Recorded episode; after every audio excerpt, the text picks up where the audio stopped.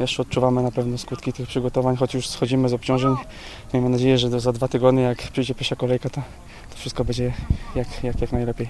Abstrahując od kwestii organizacyjnych i finansowych, czy wy jako drużyna chcecie powiedzieć wprost, bijemy się o awans? Myślę, że bijemy się o pierwsze miejsce, a co będzie dalej, to zobaczymy. Dawid Hanas, szkoleniowy Silanki Rzepin. Uważam, że no nie powinniśmy na tym etapie tracić tyle bramek i dodatkowo prostych bramek, można powiedzieć, takich juniorskich. Sytuacja kadrowa dużo się nie zmieni, jeśli mamy patrzeć nawet na ten mecz. Czekamy jeszcze na powrót jednego zawodnika, obcokrajowca. Nie mówimy o awansie, chcemy wygrywać każdy mecz. Jeżeli to nam da pierwsze miejsce, no to wtedy będziemy się zastanawiać.